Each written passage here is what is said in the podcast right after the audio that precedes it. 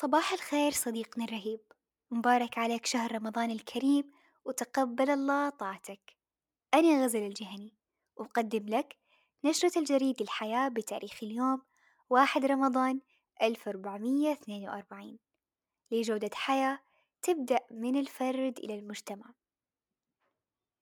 أولا إحنا فخورين كثير بمجتمع جريد، هذا الإصدار الموسمي راح يكون ببصمات أصدقاء نشرة الجريد للحياة، يلا نبدأ، بالنشرة راح نشارك معك ملامح الاحتفال بهلال رمضان في مجتمعنا وأكيد خبر حلو، ومن مجتمع جودة الحياة شوربة لذيذة من وصفات روزار للضيافة، وكمان صحتك برمضان راح تكون بجلم الدكتورة دعاء الذبياني، وتوصيات باللون الأصفر مقدمة من إيمان رائد، وطبعًا للمشتركين بالنشرة البريدية أكيد وصل لكم التصميم في التلون للفنانة لينا عامر، أكيد تدوينات مختارة لعبد الله الغزي ونوف النهدي، في نهاية شعبان تكون كل أنظار الخليج على سدير لرصد هلال رمضان، وما يتم رصده في المرصد الفلكي هناك إلا وتبدأ التبريكات بالشهر الكريم من هنا،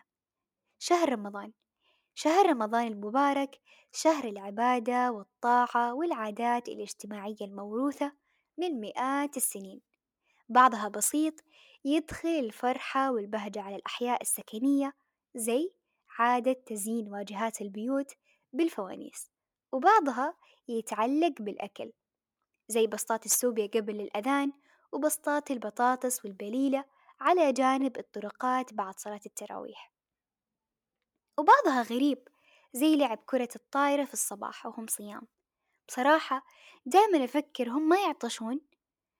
طبعًا غير اللي يفضل لعب كرة القدم في المساء، المهم كيف ما كنت مختلف دايمًا بتلقى فعالية تناسبك في رمضان وتسعدك، زي ما أمهاتنا يحبون يتبادلون أطباق الفطور مع الجيران قبل المغرب، وزي ما أنا أحب جمعة العيلة ولمتها على كاسة الشاي بعد الفطور. عقدت دائرة الأهلة في المحكمة العليا جلسة مساء أمس الاثنين الثلاثين من شهر شعبان حسب تقويم أم القرى للنظر فيما يردها حول ترائي هلال شهر رمضان لهذا العام 1442 وبعد الاطلاع على جميع ما وردها والنظر فيه وتأمله ولأنه قد شهد عدد من الشهود العدول برؤية هلال شهر رمضان المبارك هذه الليلة. ولما ثبت عن النبي صلى الله عليه وسلم أنه قال صوموا لرؤيته وافطروا لرؤيته. فإن الدائرة تقرر أن يوم غد الثلاثاء واحد تسعة ألف أربعمية اثنين وأربعين حسب تقويم أم القرى الموافق ثلاثة عشر أربعة عشرين واحد وعشرين هو غرة شهر رمضان المبارك لهذا العام ألف أربعمية اثنين وأربعين. شاركتنا روزار للضيافة وصفة شوربة القرع بالكريمة راح تلقى المقادير وطريقة التحضير بصندوق الوصف. والحديث عن صحتك. شهر رمضان يضيف روحانية وقرب من الله. يساعدك تتذكر النعمة والبركة حولك ويعطيك وقت تراجع وتقوم نفسك. وما انحصرت قيمة هالشهر بشغلات معنوية فقط بل رمضان ممكن يعزز من صحتك الجسدية، عشان كذا كثير منا يعتبر مجيئة فرصة ما تتعوض ويسارع بأنه يستغلها في خلق عادات صحية جديدة، زي غذاء متوازن، تحكم بالشهية، ترك الدخان وغيرها. طيب كيف نخلي رمضان نقطة تحول في حياتنا الصحية؟ بسيطة بس اسمعني.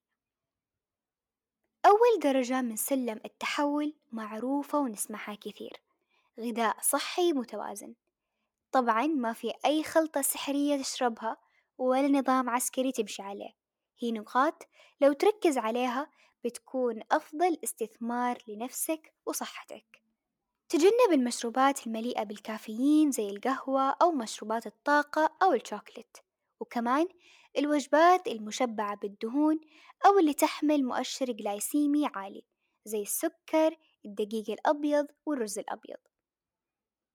استخدم الدهون الأحادية غير المشبعة للطبخ زي زيت الزيتون زيت الكانولا وهذا اللي توصي فيه جمعية القلب الأمريكية وتعتبره الأفضل لصحة الجسم افطر وتسحر من المهم إنك تتناول وجبة متوازنة تحتوي على البروتين الدهون الخضار والفاكهة والنشويات وقت الإفطار وكمان السحور.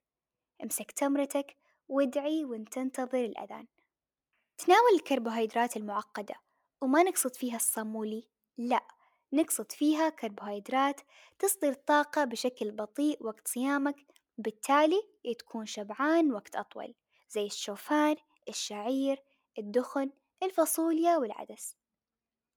أشرب موية قدر المستطاع خلال ساعات الإفطار خاصة إذا كانت الأجواء حارة. يعني الموية مو بس في الدقايق الأخيرة قبل أذان الفجر ترانا نشوفك. تناول أطعمة تحتوي على كمية كبيرة من الألياف عشان تساعد في عملية الهضم زي الفاكهة الحبوب والخبز. بالنهاية مهم جدا تعطي نفسك الوقت الكافي عشان تتكيف مع التعديلات الصحية في حياتك وخلي هدفك دايما نسخة أفضل منك. إحنا بشر وراح تيجي أيام نخبص في وجبة أو وجبتين لكن هذا ما يعني نهاية العالم ولا يعني فشلك في الالتزام. النظام الصحي المتوازن يشمل أيضا كبسة جدتك وحلا أختك بس باعتدال. نجم بن زياد في بودكاست جريد الموسم الأول اتكلم حول النظام الغذائي الصحي. راح تلقى رابط الحلقة بصندوق الوصف.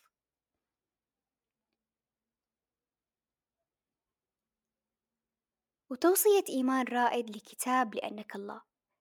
بمناسبة دخولنا لهذا الشهر الفضيل يمكننا تسليط الضوء على أهم الكتب اللي راح تعزز وتقوي علاقة الإنسان بربه وتجعله على قرب منه ومن شؤون حياته. صغيرها أو كبيرها. كتاب لأنك الله للكاتب علي بن جابر الفيفي يتكون من 185 صفحة بين طياتها سلام وأمان. يحلق بك لرحلة نحو السماء السابعة بصحبة عشرة من أسماء الله الحسنى بمعانيها الحقيقية وكيف نتدبرها بروتين حياتنا اليومي مدعمة ببعض الآيات القرآنية والأحاديث اللي اختارها الكاتب بعناية لتناسب جميع فئات القراء العمرية. وحرص الكاتب على أن يبسط أسلوبه ليفهم عامة الناس ويستطيع قراءته والتفكر. وما يميز أيضا أفكاره المتسلسلة والمليئة بالسلام اللي تترك أثر في لحظات حياتنا إذا اتخذناها خليلا لنا في ظل تحديات الحياة. لأنه يخاطب العقل ويعرفك على الله ويقربك منه بطريقة تواسي القلب وتجعله في حالة اطمئنان ورضا لقدر الله. على يقين أنه سيكون خير رفيق لكم مصحوب بروحانية وبركة شهر رمضان.